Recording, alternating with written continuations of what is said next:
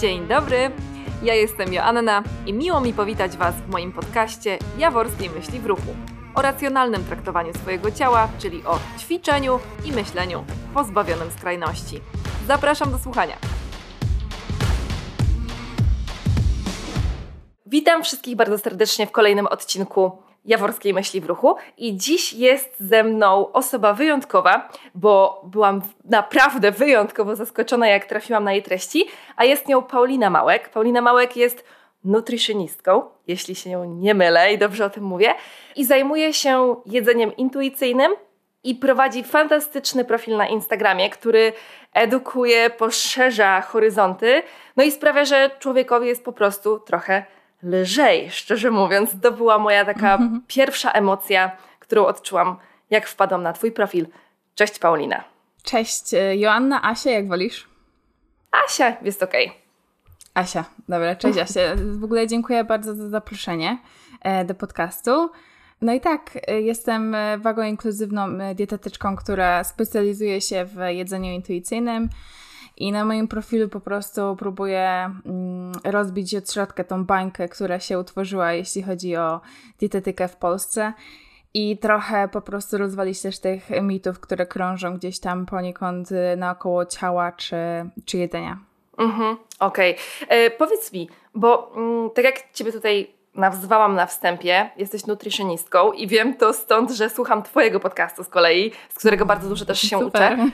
E, właśnie i e, co to znaczy? Dlaczego nie dietetyczka? Mhm. E, tutaj w UK, gdzie ja mieszkam ogólnie na stałe i tutaj się też kształciłam e, na uniwersytecie, istnieje coś takiego jak e, taki podział na dietetyków i na nutryczynystów.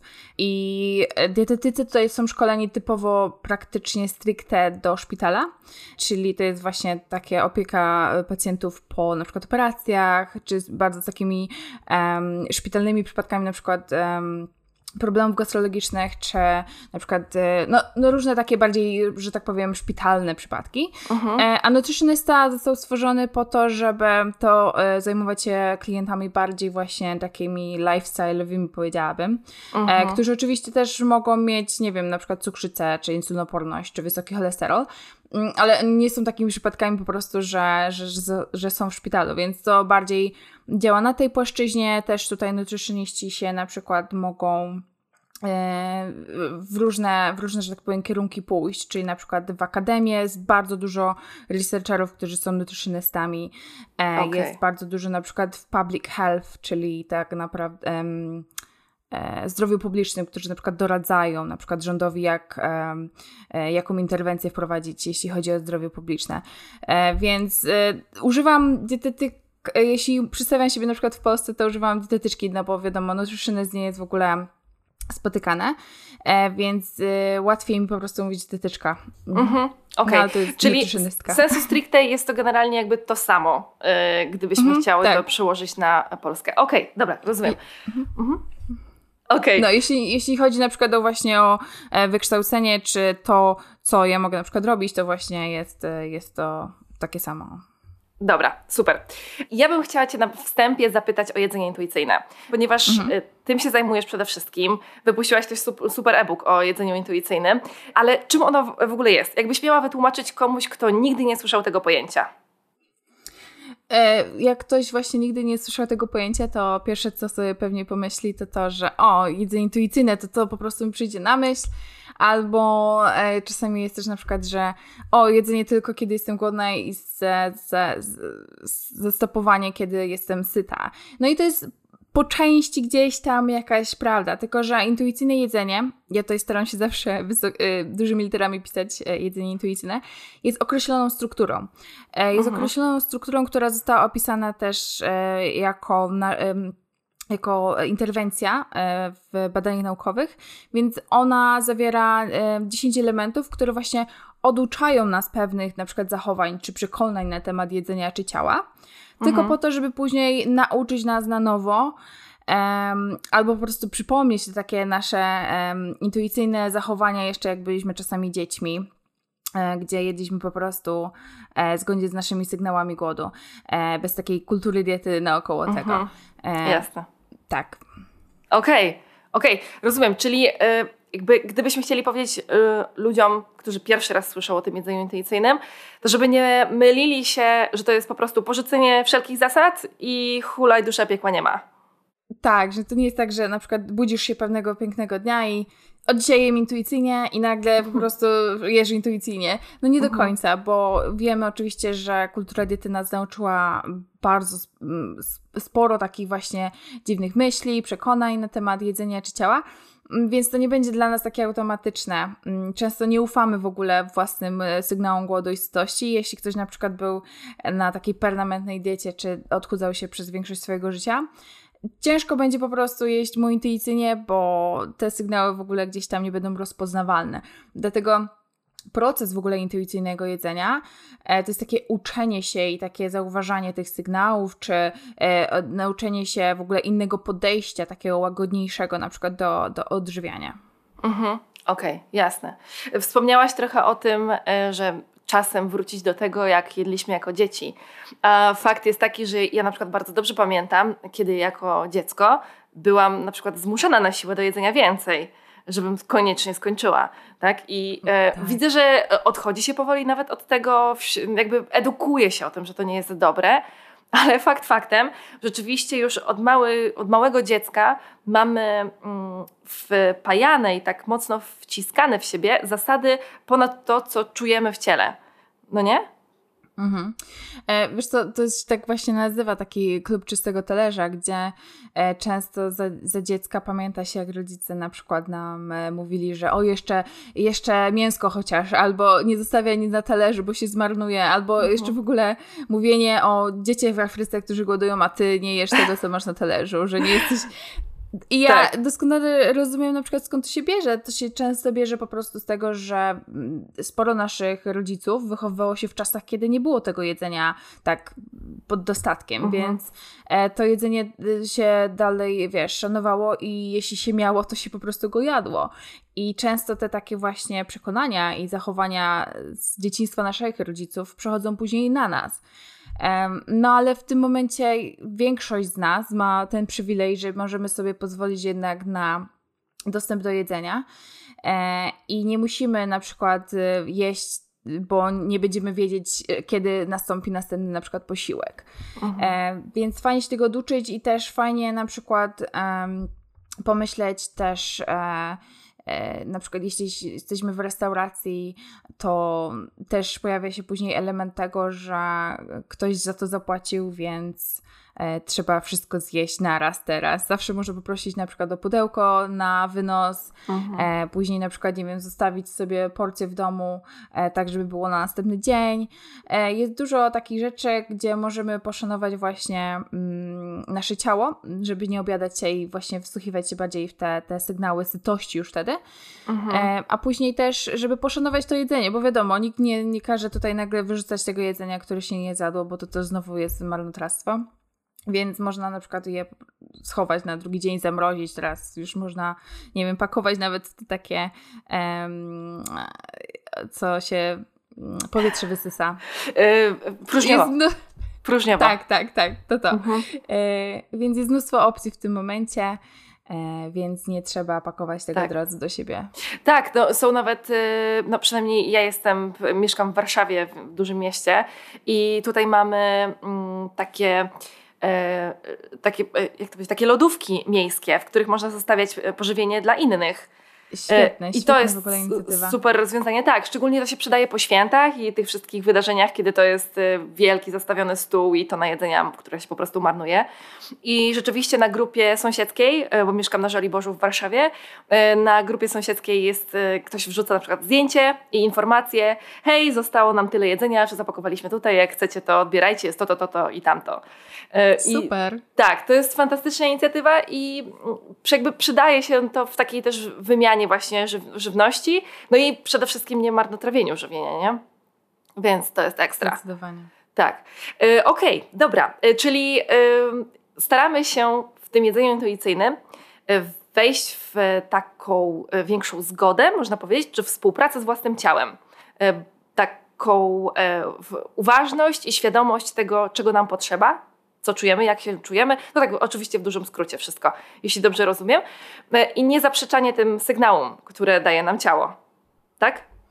Tak, niezaprzeczanie, ale też jest ta strona taka self-care'owa, mm, to się nazywa też często taka inte bardziej intelektualna mm, mhm. forma tego e, intuicyjnego jedzenia, że jeśli na przykład wiesz, że masz na przykład cały dzień, mm, gdzie jesteś bardzo zajęta, to zadbanie o to, żeby mieć wystarczająco dużo jedzenia na przykład przygotowanego, czy mhm. wystarczająco w ogóle jedzenia, zrobić sobie przerwy co jakiś tam czas, E, i jeść to, e, na przykład w różnych właśnie regularnych odstępach, e, tak żeby zapewnić swojemu ciału właśnie wystarczająco dużo ilość energii, bo ja też czasami po prostu jestem na przykład gdzieś się w coś wkręcę, coś, coś robię, coś piszę e, i nagle mija 5 godzin i ja nic nie jadłam i później nagle, wiesz, budzę się, e, że, że coś mi słabo z koncentracją, m, coś tutaj niby burczy, niby nie.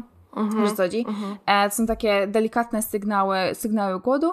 E, no i o to chodzi, żeby właśnie zadbać o to, żeby, żeby one się tam gdzieś nie pojawiały w takiej formie bardziej ekstremalnej, no bo później to um, później dochodzi na przykład, jeśli pozwolimy, żeby nasze sygnały głodu na przykład były bardzo niskie i wtedy zaczynamy jeść, to prawdopodobnie później e, objemy, obiadamy się i, i będziemy, skończymy na tej skali powiedzmy głodu i sytości gdzieś bardzo wysoko, tak że będzie nam po prostu niekomfortowo. Jasne, okej. Okay. Czy w takim razie możemy w jakiś sposób postawić znak równości między takim jedzeniem intuicyjnym a normalnym jedzeniem? Bo y, o co mi chodzi? Y, za chwilę dam Ci głos.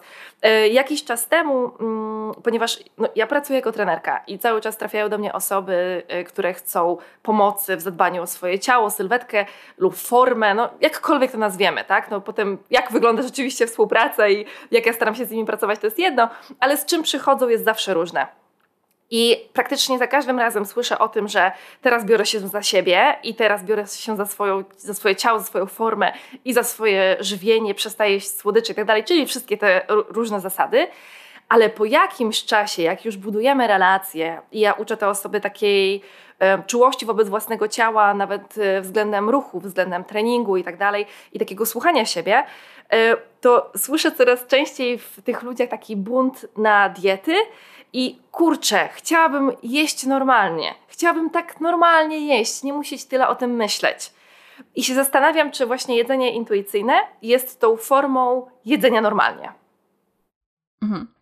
Ja w ogóle uwielbiam, jak ty pracujesz właśnie z klientami i Boże, ja normalnie chciałam mieć taką trenerkę wokół siebie, jak ja byłam nastolatką czy później.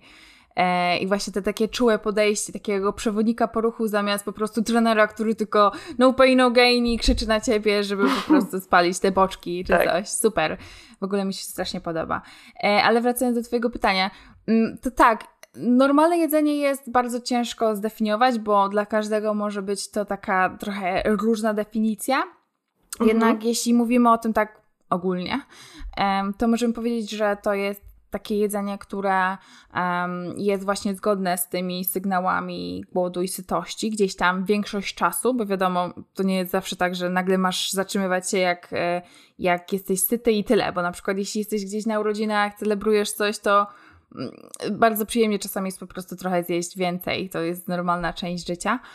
Um, ale właśnie brak tych sztywnych zasad wokół jedzenia, brak tego stresu wokół tego jedzenia, brak tego um, takiego poczucia winy, jeśli na przykład zjadło się coś, um, mhm. czy właśnie ta neutralność wobec wszystkich produktów, czyli nie dzielenie tego na dobre i złe produkty, mm, tylko neutralność wobec wszystkich, tak żeby ta takie mm, moralność była właśnie równa pomiędzy tymi, które uważa się za te niezdrowe w cudzysłowie, a te zdrowe. Mhm. I oczywiście to nie, nie mylić z tym, że mm, jestem dietetyczką, więc nie neguję, te, nie neguję tego, że e, niektóre produkty ma, są bardziej odżywcze, a niektóre mniej, oczywiście. Tylko, że one mają swój czas i swoje miejsce. E, więc mniej więcej tak można określić. Tu jest jeszcze dużo określeń, na przykład, że jedzenie wystarczająco dla swojego ciała, czerpanie w ogóle przyjemności czasami z jedzenia, większość czasu, e, czy dawanie sobie właśnie pozwolenia na um, taki comfort eating tak samo e, czasami. Oczywiście nie jako jedyny sposób radzenia sobie z emocjami. Mm, więc intuicyjne jedzenie tutaj mówi się, że intuicyjne jedzenie byłoby czymś, co określamy jako normalne jedzenie, gdyby kultura diety nie istniała. Okay. Więc myślę, że, że po prostu ona oducza nas tych wszystkich e, pozostałości po takich mitach mhm. i sprawia, że stajemy się ekspertami od własnego ciała i możemy normalnie jeść. No jasne. Okej. Okay. A czy znasz kogoś, kto nigdy nie był na diecie? Jezus. Yy... To jest tak, to jest po prostu taki unicorn chyba. Mhm. Ale y, teoretycznie mój chłopak nigdy nie był na diecie. E, okay. I, I on w ogóle, wiesz, większość z tych rzeczy on raczej nie, nie ma właśnie takich przekonań. I ciekawie się w ogóle obserwuje taką osobę, która która nigdy nie była na diecie, ale nie mogę sobie przypomnieć kobiety, która właśnie nigdy nie była na przykład na, na diecie. Mhm. Nie to wiem jest, jak u ciebie. Tak, to jest właśnie to jest ciekawe strasznie, bo ja to jest super śmieszne tak samo. Y, znam jedną osobę, jedną kobietę, która nigdy nie była na diecie, nie trzymała się żadnych zasad, reguł i po prostu jadła tak, jak jej właśnie, jak czując mhm. swoje ciało. I co śmieszniejsze, to jest moja klientka. Dosłownie, tak jak powiedziałaś, unicorn. To, że ona się w ogóle zdarzyła, to jest, to jest niesamowite. I to jest młoda dziewczyna, to jest dziewczyna w moim wieku. I ona jak przyszła do mnie, akurat miała taki gorszy y, czas w swoim życiu, była po y, trudnym rozstaniu z facetem i rzeczywiście była bardzo szczupła, bo mało jadła ze stresu i tak dalej. Ale potem, y, jak zaczęła wracać do formy, zaczęła przybierać masę ciała i czuła się tym lepiej. Jakby ona była zadowolona. Mówi, Boże, w końcu, w końcu trochę przytyłam, co było też takie ciekawe, bo właśnie w drugą stronę, tak? To było dobre u niej, że, że przytyła, w sensie drugą stronę kulturową, bo wiemy, że tak y, zwykle jest akurat, ale kulturowo w tą drugą stronę jakby dla niej było to ważne, żeby przytyć yy, i y, jak poruszałam z nią temat jedzenia, to zdarzało się wielokrotnie, że zjadła różne produkty, które też mainstreamowo uznajemy za te takie zakazane i tak dalej, i tak dalej.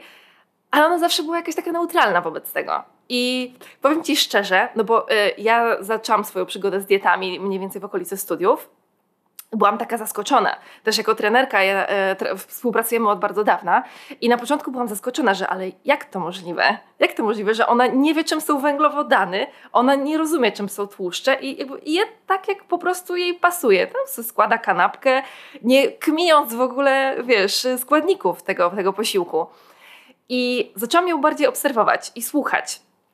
I potrafi do mnie przyjść na trening – po śniadaniu składającym się z dwóch kanapek, bo zwykle trenujemy rano, z dwóch kanapek, z jakiegoś tam soku czy cokolwiek, zwykłą kawę po prostu, czasami na samej kawie przyjdzie, bo po prostu nie była głodna rano, bo zjadła więcej dzień wcześniej, albo ostatnio wbiła do mnie i y, weszła, weszła do mnie na salę na trening z babeczką czekoladową. Mówi, wiesz co, wstałam rano i tak strasznie mi się chciało czekoladowej babeczki, mm. to sobie zjem przed treningiem, poczekaj chwilę.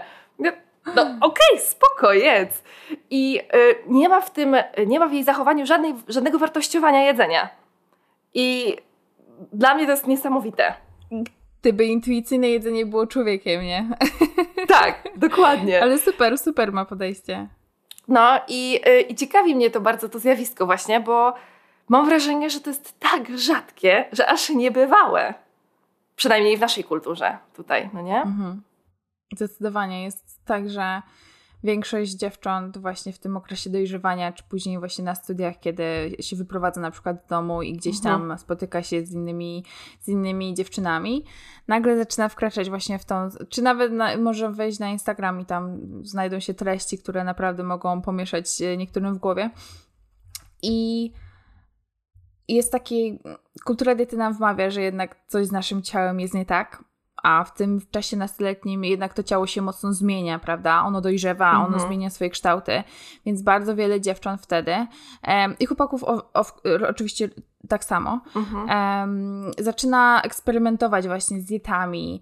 E, no i najczęściej są to, to takie bardziej restrykcyjne diety, detoksy, jakieś soki, tysiąc kalorii, najszybsze diety, jakie można, jakie można mhm. mieć. No ale też później się to na przykład przeradza w jakieś liczenie takie bardzo skrupulatne kalorii, czy ważenie każdego jedzenia, e, czy non-stop obsesyjne myślenie o jedzeniu, czy spędzanie e, godzin wręcz na przykład na siłowni. Mhm. E, no i niestety właśnie takie osoby, o jakich mówisz, są niestety rzadkością. Takich, których nie dotknęła właśnie ta kultura diety i, i nie odcisnęła jakieś piętno na, na, ich, na ich psychice. Mhm. Mhm. Powiedz mi, jak przychodzą do ciebie, yy, właśnie, to są pacjenci czy klienci? Jak mówisz o swoich? Ja lubię nazywać klienci. Klienci, okej. Okay. Jak mhm. przychodzą do ciebie klienci, to czy widzisz jakiś wspólny, wspólny task, jakiś taki wspólny problem, który najczęściej się pojawia u nich? Takie, że przeważnie na tyle próbuję jak się nazywa, zespecyfikować to, do kogo chcę trafić, że przeważnie są to właśnie ludzie, którzy mają już dość na przykład diet, którzy mają już dość tego, że non-stop próbują czegoś nowego i non-stop, wiesz, jest obiecanie, że to, obiecywanie, że to już jest ostatnia dieta, która tym razem na pewno się uda bez efektu jojo, tylko 199 zł. E, I oni po prostu trafiają do mnie i mówią, że mają dość um, bo to jest nie tylko dla ich psychiki obciążenie, ale oczywiście to jest też dla zdrowia obciążenie, no bo jak wiemy na przykład z badań taki efekt jojo, który powtarzany jest właśnie kilkukrotnie, czyli taki weight cycling, e, jest bardzo niebezpieczny dla naszego zdrowia i zwiększa ryzyko bardzo wielu chorób. No i te osoby chcą zerwać z tym, ale nie wiedzą do końca, jak to zrobić, ani co jest alternatywą dla nich, no bo jest taki w takim nurcie mainstreamowym właśnie wagocentrycznej dietetyki jest tylko to jedno rozwiązanie. Albo jesteś tym, wiesz, leniwym, który nie dba o siebie, który nie chce schudnąć, albo jesteś tym, który jest zdeterminowany, masz silną wolę i odchudzasz się i w jakiś sposób próbujesz właśnie nawet samo to performowanie tego, że ty próbujesz, e, chodzisz na siłownię, liczysz te kalorie, wiesz, jest, jesteś podziwiany wręcz w społeczeństwie i, mhm. i to mhm. jest zawsze gdzieś tam gloryfikowane, że o super, to zadbałeś o siebie wtedy, właśnie teraz, że, e, że angażujesz się w jakieś mhm. takie właśnie zachowania. Tak. No, tak. więc to jest, to jest taki główny, główny pole, gdzie pracujemy. Okej. Okay. I jak wygląda taka współpraca? W sensie, jak wygląda powrót właśnie z tego, y, z tych cykli diety wszystkich i, z tych y, strasznie obciążających psychikę y, i fizyczność zasad, jak wygląda powrót do wsłuchania się, słuchania, wsłuchiwania się w swoje ciało właśnie i przechodzenia na mhm. intuicyjne jedzenie, intuicyjny system, tak? Wiesz to dla każdego to będzie wyglądało nieco inaczej, no bo mhm. to jest proces i wiadomo, że każdy zaczyna z różnego e, pułapu, że tak powiem.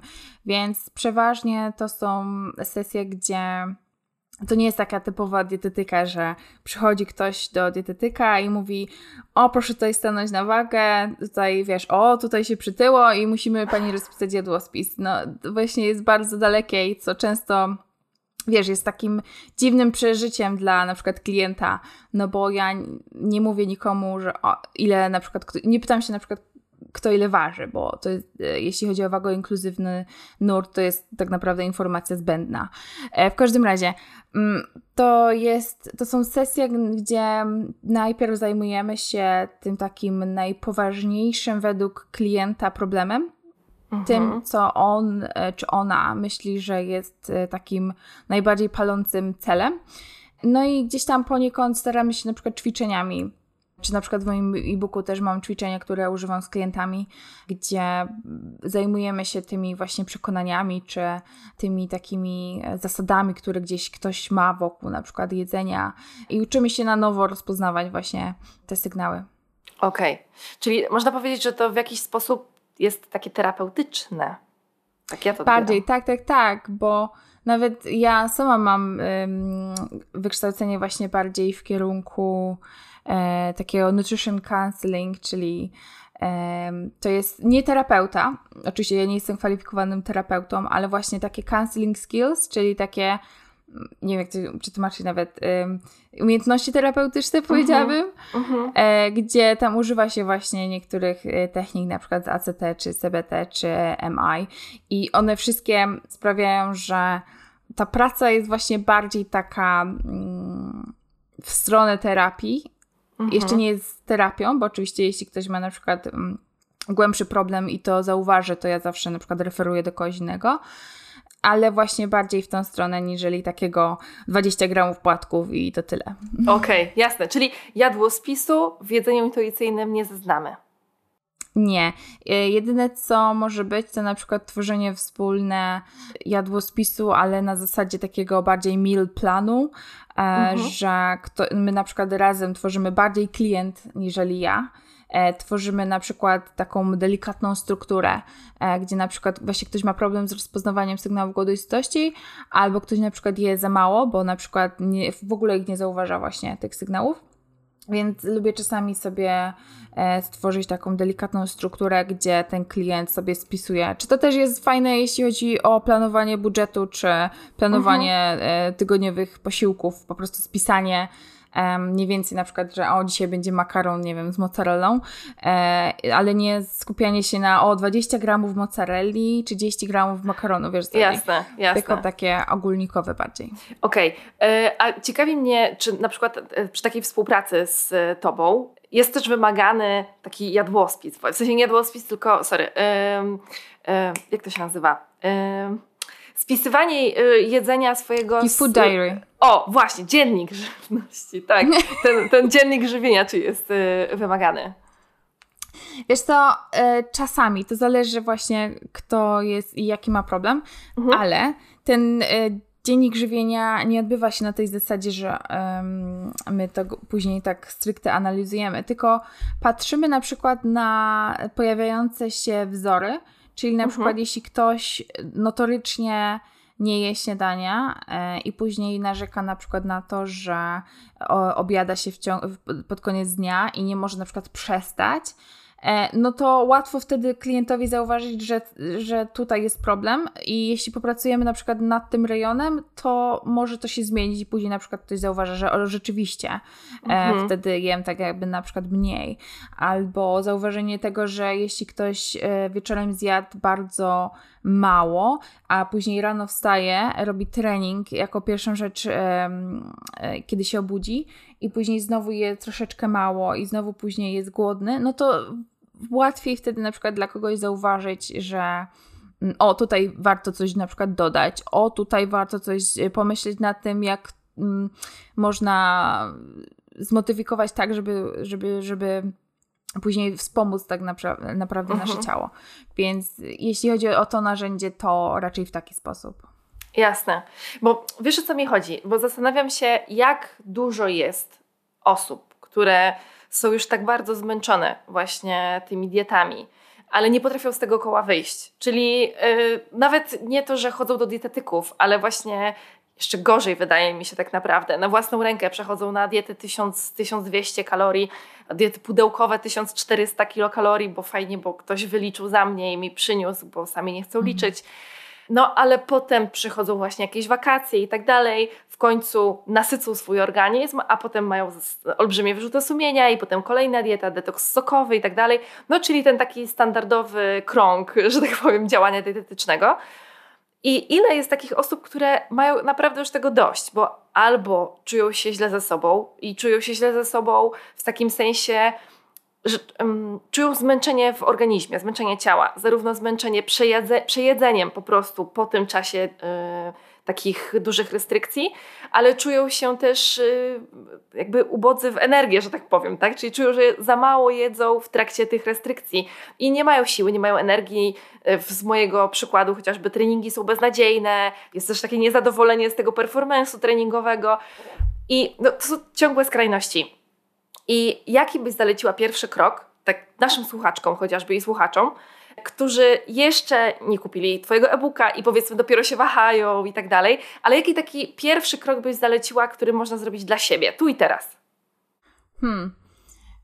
Można na przykład pomyśleć nad tym, czym się otaczamy, bo treści, które nas otaczają, jednak bardzo mocno wpływają na to, jak postrzegamy później e, siebie czy, czy innych i właśnie te kwestie zdrowotne. E, więc ja bym tutaj na przykład zwróciła uwagę na nasz feed na Instagramie. E, jeśli ktoś na przykład jest na Facebooku, to tam tak samo. I zobaczyła, czy te treści są jednak pomocne, czy one są na przykład zgodne z badaniami naukowymi, e, czy są w ogóle racjonalne, czy jak ja się czuję po na przykład takich treściach. Mhm. I ewentualne na przykład zmienienie po prostu, um, czyli um, odfollowowywanie na przykład ludzi, którzy właśnie powodują, że źle się czuje, a followowanie bardziej różnorodnych na przykład ciał czy kont, które mają różne inne um, tematy. E, mhm. I to jest świetny w ogóle mm, punkt, żeby trochę zmienić właśnie tą taką mentalność dietetyczną, która jest tworem takiej właśnie kultury diety, która jest też mhm. pierwszym elementem intuicyjnego jedzenia, żeby ją porzucić, bo wtedy, wtedy właśnie e, to nie jest łatwy proces, oczywiście to nie jest tak, że z dnia na dzień nagle sobie porzucamy mentalność dietetyczną, um, ale to jest pierwszy punkt właśnie, żeby dążyć do tego, żeby uwolnić się od tej y, kultury diety. Mhm. Czyli otoczenie. Nasze najbliższe mhm. otoczenie. To, z czym się stykamy dzień w dzień. Żeby nas nie triggerowało do tego, żeby przechodzić na kolejną dietę sokową i tak dalej, i tak dalej. Też. Fajnie, mhm. fajnie, fajnie, tak. Znaczy, to działa. Ja mogę powiedzieć z własnego doświadczenia, oprócz tego, że y, weszłam w to jedzenie intuicyjne i, i staram się wejść w nie głębiej jako odbiorca i stosować je na sobie. No to rzeczywiście y, to, co powiedziałaś o tym y, otoczeniu najbliższym, o, o tym właśnie naszym feedzie i tym, tym co widzimy, to było jeden, jeden z pierwszych kroków, czyli zauważenie tego, co wpływa tu i teraz na mnie. Czyli, że jak widzę jakąś dziewczynę, która mówi o tym z gołym, napiętym brzuchem, że właśnie teraz bierze się za siebie, bo potrzebuje schudnąć dwa Albo kilo. Albo jest jak ja, wygląda tak. jak ja. To jest w ogóle... Tak, no, tak. no więc właśnie. E, odfollowowanie tych osób, czy zablokowanie, jeśli jest jakaś znajoma, która po prostu jakby, no właśnie, to, to daje naprawdę dużą ulgę. I w ogóle mam wrażenie, że kiedy jesteśmy skoncentrowani bardzo mocno na swoim ciele, koncentrujemy się mocniej na cudzym ciele, porównujemy siebie, oceniamy cudze, cudze ciało i e, kiedy mniej patrzymy na siebie, czyli mówię o tym, tutaj o tym samouprzedmiotawianiu, jeśli mniej patrzymy na siebie jako na po prostu ciało, przedmiot, to mniej patrzymy też na innych w ten sposób. Doceniamy ludzi za ich osobowość, za ich kreatywność, za ich mhm. e, intelekt, za, nie wiem, poczucie humoru. I tak samo dostrzegamy to u siebie. Czy zauważasz tak. podobną? Nie wiem jak u ciebie, ale ja na przykład pamiętam jak w czasie moich zaburzeń odżywiania, jak bardzo ja byłam skupiona na, na ciele. To było właśnie te takie typowe zachowania, które mówią na przykład o zaburzonym tam gdzieś e, obrazie ciała, czyli takie sprawdzanie bardzo często, jak, e, jak ja wyglądam, oglądanie się w lustrze, e, no wiesz, te wszystkie, czy robienie sobie zdjęć, e, są takie zachowania, które są typowe właśnie w tym okresie.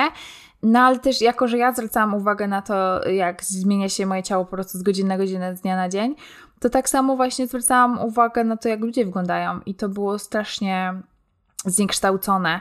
I dopiero później właśnie w czasie, kiedy ja się gdzieś tam e, leczyłam z tych zaburzeń, e, ja też zaczynałam rozpoznawać, e, zwracać uwagę bardziej właśnie na cechy charakteru, na to, jaką ja mam relację z tą osobą, jak w ogóle ta osoba się zachowuje wobec mnie. To wszystko jest takie kompletnie inne i nowe wtedy, mhm. jak dla mnie. Więc zdecydowanie zmienia się właśnie ta mm, obiektywizacja ciała na bardziej zwracanie uwagi na to, kim ktoś jest tak naprawdę. Mhm. I to jest piękne. Na dobrą sprawę w jakiś sposób mam wrażenie, odzyskujemy wtedy życie po prostu. To może brzmi jakoś tak mhm. górnolotnie, ale, ale ja tak to postrzegam, bo też mam za sobą historię zaburzeń tak. właśnie odżywiania i tej takiej centralizacji swojego skupienia na ciele, swoim i innych. Jakby inni ludzie byli po prostu ciałami i potem jesteś w stanie z kimś ciekawie rozmawiać i, i dowiedzieć się czegoś tak na dobrą sprawę nie interesuje Cię w ogóle, jak ktoś wygląda. Czy i tu możemy mówić o sylwetce, ale możemy mówić o, nie wiem, o siwych włosach, paznokciach i tak dalej. W ogóle Cię to nie interesuje. I to jest. Super. Ale patrz, w ogóle mm, jaka jestem czasami, jak sobie tak pomyślę o tych latach straconych, jaka czasami jestem wkurzona, że po prostu tyle lat straciłam, e, niektórzy nawet większość swojego życia, na to, żeby kultura diety po prostu mi odebrała, e, bo ja się tak bardzo mocno skupiałam na tym, żeby zmienić ciało, które na przykład jest biologicznie przystosowane do tego, żeby ono wyglądało kompletnie inaczej. I te lata są utracone, ta energia, ten czas, e, to w ogóle te pieniądze tak samo, one mogły być przeznaczone na tyle innych e, rzeczy, że czasami po prostu aż, aż mi żal siebie z tamtego okresu. I oczywiście ja do tego podchodzę już teraz raczej z takim właśnie współczuciem, współczuciem i tego, że no musiałam przejść ten okres, żeby pojawił się jakiś inny, oczywiście. Um, ale jednak e, właśnie intuicyjne jedzenie, czy właśnie cały wagoinkluzywny nurt fajnie, że dba o to, żeby jak najmniej tych osób w następnych pokoleniach jednak cierpiało z tego powodu. Mhm. No właśnie, nawiązałaś tutaj do wagą inkluzywnego nurtu. Ja bym chciała Cię dopytać troszkę o to. Mhm. Na czym polega ta wagoinkluzywność, y, ale przede wszystkim na czym ona polega z perspektywy specjalisty, czyli y, z perspektywy właśnie Twojej, jako osoby zajmującej się żywieniem. Czym to się różni, oprócz tego, że na początku już wspomniałaś, że nie ważysz na przykład swoich mhm. klientów? Y, czym się to różni od takiego konwencjonalnego podejścia, bo niestety to wagocentryczne jest konwencjonalne? Mhm, dokładnie. Właśnie wago cytryczne jest y, tym, który e, opiera się przede wszystkim na wadze, na BMI jako określniku i takim coś, co jest diagnozą na przykład e, chorób. I alternatywą dla tego jest właśnie to wagoinkluzywny, e, wagoinkluzywny nurt. I to jest, to nie jest Mm, tylko w dietetyce. E, to jest takiej bardzo szeroko pojętej e, ochronie zdrowia, czyli to są lekarze, to są psychoterapeuci, to są właśnie dietetycy. E, to jest sporo osób, które właśnie pracują w tym nurcie i wtedy skupiamy się bardziej na zdrowiu, samopoczuciu, tego, żeby jak najbardziej ułatwić, czy właśnie tutaj też jest praca z, ze zmianą zachowań, na zachowania prozdrowotne, mm, mhm. czyli takie, które mm, realnie mają szansę na przykład zmienić nasze zdrowie i wpłynąć na nie. Oczywiście tutaj też się przypomina o przywilejach i tutaj też się przypomina o determinantach zdrowia, które jednak w większości warunkują nasze zdrowie. Niestety, i to one są w tym momencie głównym problemem. Ale wagoinkluzywność właśnie skupia się na tym, żeby promować e, równy dostęp do tej opieki, ale też e, takie zachowania jak na przykład e, intuicyjny ruch, czyli taki bardzo radosny ruch, który sprawia nam przyjemność, bo ma wtedy większą szansę, że on zostanie z nami na dłużej. E, ograniczenie alkoholu, regularne e, wizyty u lekarza, e, mniej stresu, zarządzanie bardziej właśnie tym stresem, więcej odżywczego jedzenia. Ja powiedziałabym, że tutaj takie jest bardziej holistyczne podejście do zdrowia, chociaż bardzo nie lubię tego słowa holistycznie, bo kojarzy mi się bardzo pejoratywnie. Mhm. No i mamy tutaj w tym wago-inkluzywnym nurcie różne modele, które używają na przykład um, specjaliści, więc na przykład Hayes, bardzo dużo lekarzy praktykuje, to się mówi na przykład w duchu Hayes, gdzie właśnie mniej zwracają uwagę na tą wagę, a właśnie bardziej na te zachowania. E, później mamy też intuicyjne jedzenie, gdzie właśnie jest bardzo dużo dietetyków, którzy e, specjalizują się w tym e, modelu.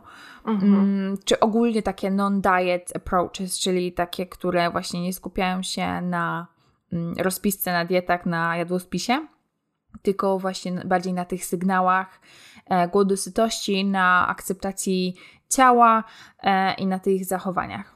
Mhm. Okej.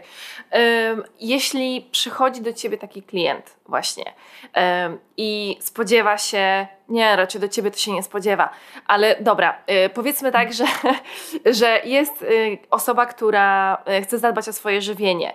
No i rzeczywiście tym pierwszym krokiem, oprócz tego, że masa ciała, to jest um, zważenie osoby na tych wagach wszystkich bioimpedantycznych, sprawdzenie składu ciała i tak dalej. Czyli po prostu dogłębna analiza, z czego się składa składamy fizycznie. Co, tak, też przewracam oczami, bo dla mnie to jest totalny absurd i ja od bardzo dawna nie, nie ważę ludzi. To jest takie śmieszne, czasami są zdziwieni, ale że nie zważymy się? No, no nie, po co? to, nie ma, to nie ma żadnego znaczenia. Jak chcesz, to się zważ w domu po prostu. No, na samym wstępie, no jakby nie jestem od tego po prostu. Nie będę tego tutaj karmić, że tak powiem, tej potrzeby. Ale e, zmierzam do tego, że e, jeśli mówimy o tym wagoinkluzywnym podejściu u specjalistów, to jak go rozpoznać w praktyce? Czyli, że przychodzi klient i wie, że dana osoba będzie inkluzywna pod kątem właśnie tego, jaką ma sylwetkę, po jakich zachowaniach? No to ciężko, na przykład jeśli chodzi o Polskę, ciężko to rozpoznać, bo praktycznie nie istnieje zbytnio dużo specjalistów, którzy właśnie praktykują e, w tym momencie w wago-inkluzywnym nurcie. I mhm. chyba najłatwiejszą wskazówką jest to, że po prostu napiszą gdzieś tam w opisie um, swoim, czy to na mediach społecznościowych, gdzie większość chyba dietetyków czy specjalistów ma teraz właśnie te, te swoje profile, mhm. czy gdzieś tam na, na, nie wiem, na portalach jak znany lekarz, gdzieś opisze to, że praktykuje w wago inkluzywnym nurcie, bo niestety, jeśli ktoś pisze, że praktykuje intuicyjne jedzenie, nie zawsze oznacza to, że praktykuje wago inkluzywnym nurcie. Niestety, bo summa summarum w Polsce nie ma jeszcze takiego oficjalnego e, treningu dla specjalistów, więc jeśli ktoś, to musiałby, jeśli ktoś by był zainteresowany, musiałby to zrobić na przykład za granicą. Mhm. E, to nie zawsze jest możliwe bo z powodów pieniężnych, bo te treningi są jednak kosztowne i z powodu bariery językowej oczywiście. Dlatego zwracam uwagę, że to nie zawsze właśnie intuicyjne jedzenie nie zawsze oznacza wagoinkluzywność, bo na przykład spotkałam się z, z tym, że mm, ktoś, kto proponuje intuicyjne jedzenie, proponuje jadłospisy i proponuje na przykład odchudzanie, co mhm. na przykład obiecuje odchudzanie, intuicyjne jedzenie z odchudzaniem, co jest w ogóle mm, ironiczne i taką, wiesz, sprzecznością, bo doskonale wiemy, że intuicyjne jedzenie nie, ty, nie jest może przeciwko odchudzaniu, ale raczej rozpoznaje to, że po pierwsze nie działa takie intencjonalne jedzenie, e, intencjonalne odchudzanie działa długofalowo, a po drugie raczej nie jesteśmy w stanie gdzieś tam sobie zdecydować, że o tutaj będziemy ważyć tyle i tak właśnie zrobimy, bo in, intuicyjnie mm, jedząc i zgodnie ze swoimi sygnałami głodu nie da się tego przewidzieć. mhm. No ale jeśli ktoś bardzo mocno zwraca właśnie, jeśli ktoś promuje odchudzanie, e, tego, że obiecuje ci jakąś wagę albo odchudzanie bez efektu jojo, albo właśnie proponuje jadłospisy na wszystko. Tutaj oczywiście z jadłospisami jest e, ten problem, że one są bardzo pomocne, jeśli chodzi o na przykład anoreksję i wychodzenie z zaburzeń niektórych odżywiania i one są wtedy bardzo pomocne, ale one wciąż nie wyglądają tak jak te takie typowe jadłospisy, które się sprzedaje. Mhm. No, jeśli ktoś używa takiego właśnie słownictwa mm, kultury diety, że mówi o zasadach, e, mówi o tym jedzeniu takim niezdrowym, czy mówi, daje ci poczucie takie, że mm, z twoim ciałem jest teraz coś nie tak e, i to jest twoja wina, na przykład, że ty jesteś zbyt leniwy, zbyt, masz zbyt mało silnej woli, no to tutaj jest takie czerwone flagi, że tak powiem, pojawiają mhm. się w tym momencie. Okej, okay, okej. Okay. No właśnie. No, y, dla mnie jest y, bardzo takie znaczące y, i wpływające też na mnie coś, czego się nauczyłam dzięki właśnie mediom społecznościowym, między innymi twoje, Twojemu profilowi, Twojej działalności, e, ten podział na zdrowie i niezdrowe jedzenie, ale nawet stałam się taka wyczulona nie tylko na hasło niezdrowe jedzenie, bo to zawsze jakoś tam było gdzieś tam poruszane, ale na hasło zdrowe jedzenie. W sensie takim, że y, jeśli wydaje mi się, że gdybyśmy używali słów właśnie odżywcze, nie wiem, zalecane przy jakichś tam różnych schorzeniach, ja się zajmuję insulinoopornością, więc e, znaczy osobami chorującymi na, znaczy cierpiącymi na insulinooporność, bo to nie jest choroba, ale e, no to jest jakaś, jakieś tam jedzenie bardziej zalecane, bardziej wskazane i mniej wskazane. Ale nazywanie jakiegoś jedzenia zdrowym od razu je wartościuje, no nie? Że, że tak. to jest coś, co mnie uzdrowi. A, a no, o tym też głośno mówisz, że no, jedzenie nie jest lekarstwem. Dokładnie. I, I takie na przykład w ogóle mówienie o jedny, jakimś jednej potrawie czy jednym produkcie, że jest zdrowe, jest tak naprawdę, wychodzi to, że ktoś nie wie, czym jest zdrowie, no bo zdrowie to nie jest tylko jedno, jeden produkt, mhm. tylko to jest o wiele więcej, na to się składa. No właśnie. I, I nie tylko właśnie to mówienie o tym, że coś jest niezdrowe, ale o ten nie wiem, ten batonik jest zdrowy, czy ten, czy ten napój jest zdrowy, ale jak, jak ty to rozpoznajesz, że to jest zdrowe? To nie zależy w ogóle od, e, od tak. innego produktu. Ale tak samo mówisz właśnie, mm, to takie słynne powiedzenie, że jedzenie jest lekarstwem.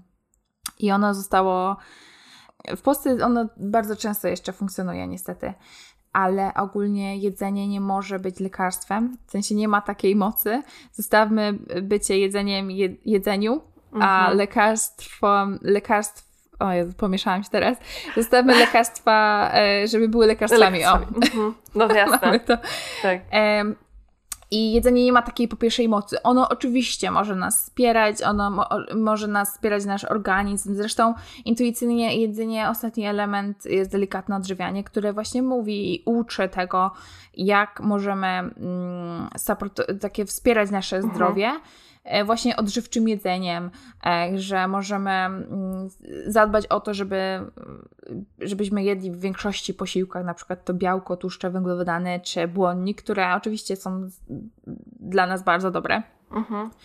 E, czyli to nie jest takie kompletne ignorowanie na przykład składników odżywczych i mikro czy makroelementów, mm, ale też nie gloryfikowanie tego i nie wynoszenie tego na piedestał, że coś może nas uzdrowić, bo pojawia się tutaj jeszcze jak mm, powiedzmy mm, takim normalnym jedzeniu gdzieś tam e, to nie jest tak bardzo szkodliwe, ale jeśli na przykład dochodzimy do momentu, kiedy proponuje się na przykład jakiś sposób jedzenia, czy jakieś jedzenie e, lekiem na przykład na raka, to już się staje niebezpieczne, mhm. bo ta osoba na przykład może po pierwsze jeszcze bardziej cierpieć z tego powodu, a po drugie uwierzyć w to i na przykład czasami rezygnować z innych e, sposobów leczenia czy medycyny, mhm. bo, uwierzył, bo ktoś uwierzył na przykład to, że jedzenie może go uzdrowić. I to jest wtedy bardzo niebezpieczna retoryka. Jasne. To, co powiedziałaś o tym jedzeniu właśnie dużej ilości błonnika, czy dużej ilości, no ty, tym takim racjonalnym jedzeniu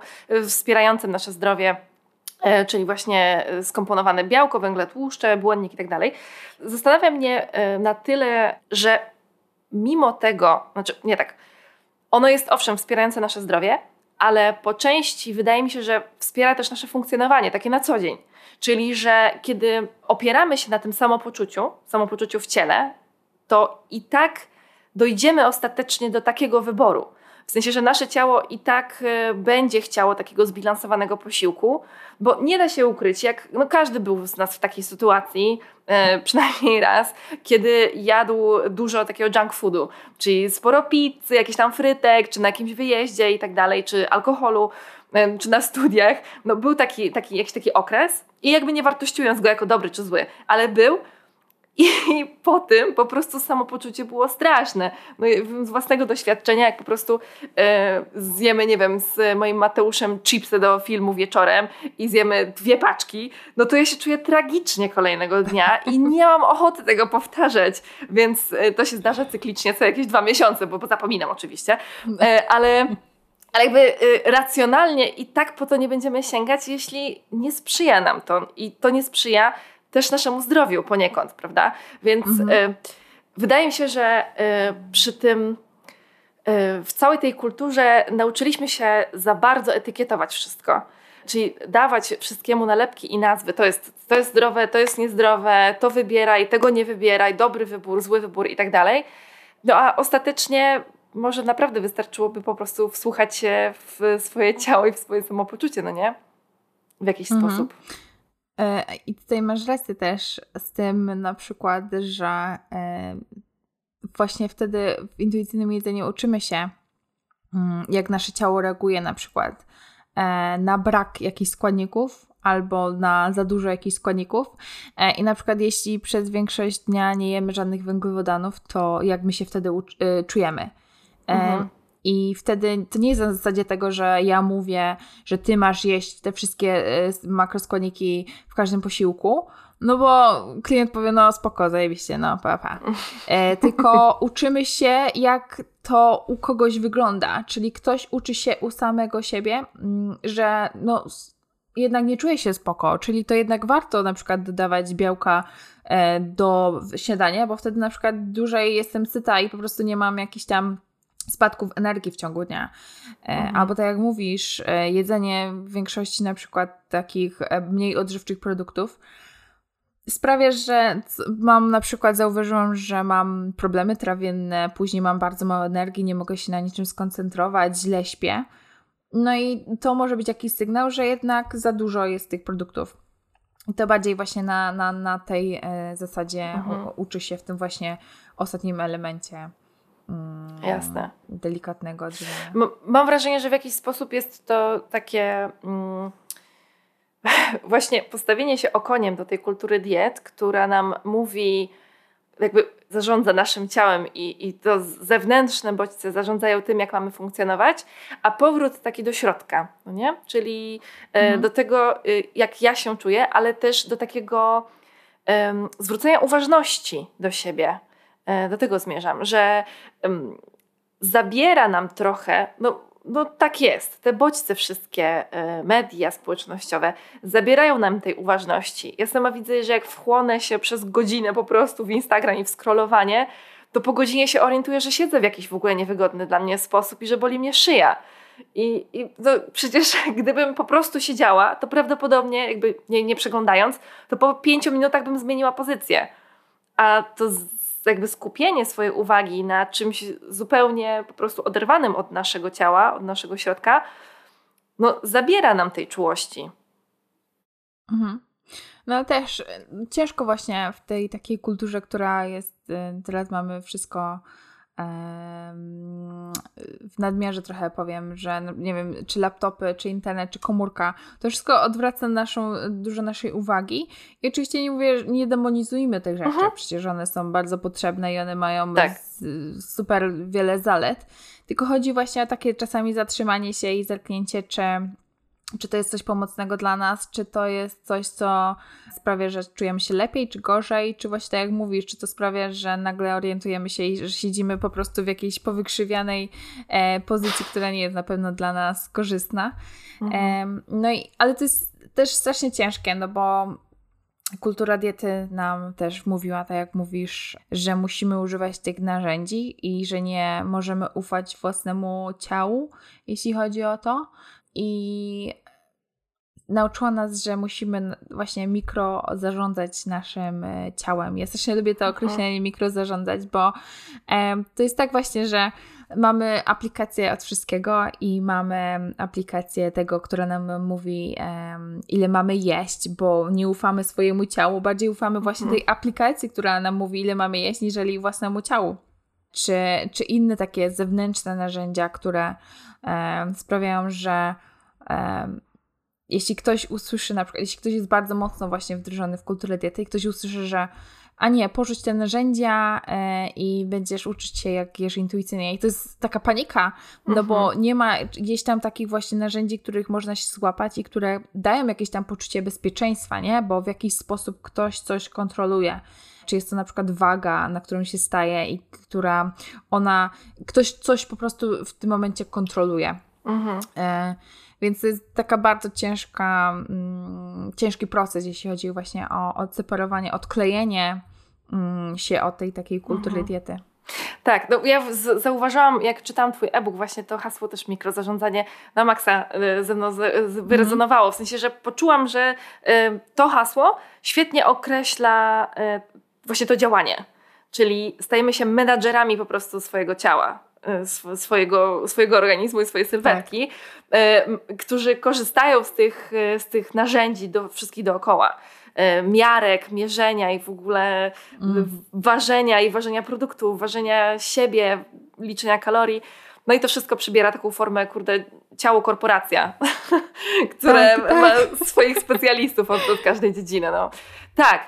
Jeszcze bym chciała tylko na sam koniec poruszyć temat właśnie przy tym mikrozarządzaniu tego, że nic nie jest y, czarno-białe w moim odczuciu i mam wrażenie, że um, tak samo myślisz i ty. I na przykład taka waga, y, waga i ważenie swojego ciała. To jest tak, że wagoinkluzywność jest y, super dobrym moim zdaniem nurtem i bardzo dobrze pozytywnie wpływa. Wagocentryczność, y, no sprawia, że trudniej nam się żyje. Czyli to koncentrowanie na tym, ile ważymy, ile musimy ważyć, e, że musimy, no bo nie musimy, tylko że nam wmawiane jest, ile powinniśmy ważyć, no jest e, dla nas niekorzystne. Ale samo na przykład stanięcie na wadze, jak co jakiś czas, może nam dać jakąś informację po prostu. E, jest, może to być takie, tak mi się wydaje, taki, mm, takie neutralne, jeśli nie nadajemy temu mhm. żadnej wartości takiej. Um, wiesz o co mi chodzi? Nie potrafię Dokładnie, ale to właśnie wiele zależy od tego, jakie ty masz podejście. Mhm. I na przykład jeśli um, powiedzmy e, dziewczyna stoi na wadze e, i jest u lekarza i na przykład za 4 miesiące ona znowu idzie i ta waga jest po prostu ogromna, jest różnica, to może być znak na przykład, że coś jest nie tak z naszym mhm. organizmem.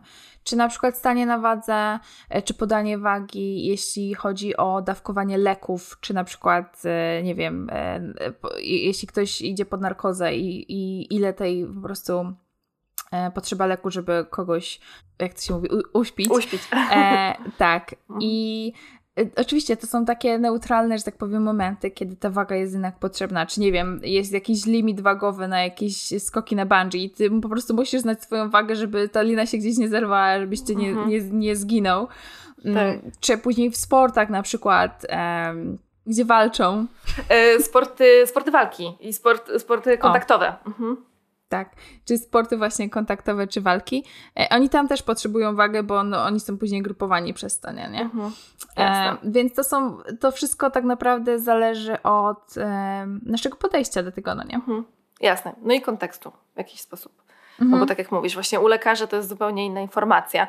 O ile to nie jest też właśnie... Chociaż tak właśnie tutaj Polski... jest taka cienki lód, cienki lód, że tak powiem. Tak, tak, tak. Aczkolwiek ja pamiętam tę sytuację, kiedy chodziłam w moim takim okresie o niskiej masie ciała i no rzeczywiście w zaburzeniach odżywiania chodziłam do endokrynologa, miałam zaniki miesiączki i kazał mi stanąć na wagę i e, mój pan doktor był e, taki bardzo delikatny w słowach i zawsze mi kazał wejść na tę uwagę, tak notował i tak hmm, no dobrze, a czy musi pani cały czas tyle ćwiczyć? I ja taka byłam, no tak, no muszę, jestem trenerką, muszę. I on gdzieś było, że nie do końca wiedział, jak mi to powiedzieć, ale tak no może tak. fajnie by było, gdyby pani trochę mniej ćwiczyła jednak. I no, to jest istotna informacja dla tego lekarza, jak ja chodziłam cyklicznie właśnie, widział, co się ze mną dzieje, że tej masy ciała mi ubywa, a potem zaczęło przybywać, no Dokładnie. i dostałam miesiączki z powrotem i było super, nie? Więc taka... Hmm, Gorzej jak na przykład używa się tego do, wiesz, do diagnozy i tego, że to jest jedyne coś, co y, kontroluje się. No to, to, wtedy nam nic nie mówi za bardzo, no nie? Mhm. Ale jeśli ktoś właśnie ma niską wagę, no to później um, się rozpatruje, co, co może być nie tak y, i gdzie można po prostu, um, jakie testy zrobić, czy y, gdzie poszukać, żeby znaleźć właśnie to, co się dzieje z organizmem. Mhm, jasne. Dobrze, gdybyś miała rzucić życzenie. Życzenie dla y, ludzi, y, nas słuchających i generalnie takiego społeczeństwa, powiedzmy tutaj z naszego obszaru. Jakie byłoby to życzenie? Czego życzysz Oj, ludziom? e, żeby lepiej się poczuli we własnym ciele, bo wiem, że na przykład wiele osób um, całe ich życie jest podyktowane temu, że ich ciało jest w jakiś tam sposób takim największym ciężarem, gdzie limituje na przykład wiele osób od robienia pewnych rzeczy. E, I chciałabym, żeby poczuły w końcu kiedyś tą taką wolność bycia w, e, w ciele, nieważne w jakim rozmiarze. Super. Super, bardzo dziękuję. Odbieram te życzenia także dla siebie. E, Oczywiście. Piękne, piękne życzenia i życzymy też im wolności jedzenia. Tak jak y, tytuł twojego e-booka. tak? Y, powiedz coś więcej o swoim e-booku, tak pokrótce na koniec. Mm, no to ja napisałam e-booka o intuicyjnym jedzeniu, ale też o wagoinkluzywności, y, ogólnie tym właśnie nurcie. I to jest taki zbiór po pierwsze teorii e, i takich właśnie praktycznych wskazówek, ale też e, ćwiczeń, bo mm, dodałam do tego tak samo 30-stronicowe karty pracy, które e, pomogą po prostu przejść przez cały ten proces, bo to jest proces, który nie jest łatwy i nie jest szybki. Więc jeśli ktokolwiek jest właśnie zainteresowany, no to to nie jest tak, że zostawię cię z samą teorią i tego, co masz robić, tylko też właśnie ćwiczeniami, które gdzieś tam pomagają mm, mhm. odzyskać tą właśnie wolność jedzenia. Jasne. Czyli to jest y, idealne narzędzie i mówię o tym z doświadczenia, bo, bo też tego e-booka mam. Idealne narzędzie dla tych, którzy właśnie czują się zagubieni, tak jak wspomniałam przez chwilę tutaj w tej rozmowie, osoby, które już mają dosyć, chcą z tego wyjść, ale nie chcą po prostu rozłożyć rąk i, i dobra, to teraz robię co chcę i, nagle jest wielkie zagubienie. Tak, chaotycznie. Dokładnie. Żeby później znowu wrócić do kolejnej diety, bo na przykład ktoś się czuje po prostu poza, wiesz, e, że stracił kontrolę. Tak, tak, tak. I, i strach, i przerażenie, i, i Boże, i teraz co, co ja zrobiłam, to była najgorsza decyzja. A tak naprawdę porzucenie diet jest bardzo dobrą decyzją i warto to zrobić z głową właśnie podpierając się chociażby takimi ćwiczeniami, jak Ty dałaś i, i teorią. Super. E, zapraszamy także na Twój podcast, który nie jest tylko Twoim podcastem. Tak, również Małgorzaty Walczak, z którą właśnie prowadzę e, podcast, który się notabene nazywa tak samo jak mój e-book, czyli Wolność Jedzenia. tak mi się spodobała ta nazwa, że po prostu ją rzucam wszędzie. Super, fajnie. Tak, yy, też yy, słucham, polecam bardzo, dziewczyny fantastycznie opowiadają o jedzeniu intuicyjnym, właśnie o wagą inkluzywności, o, o hejsie i w ogóle o, o takiej wolności jedzenia. Super.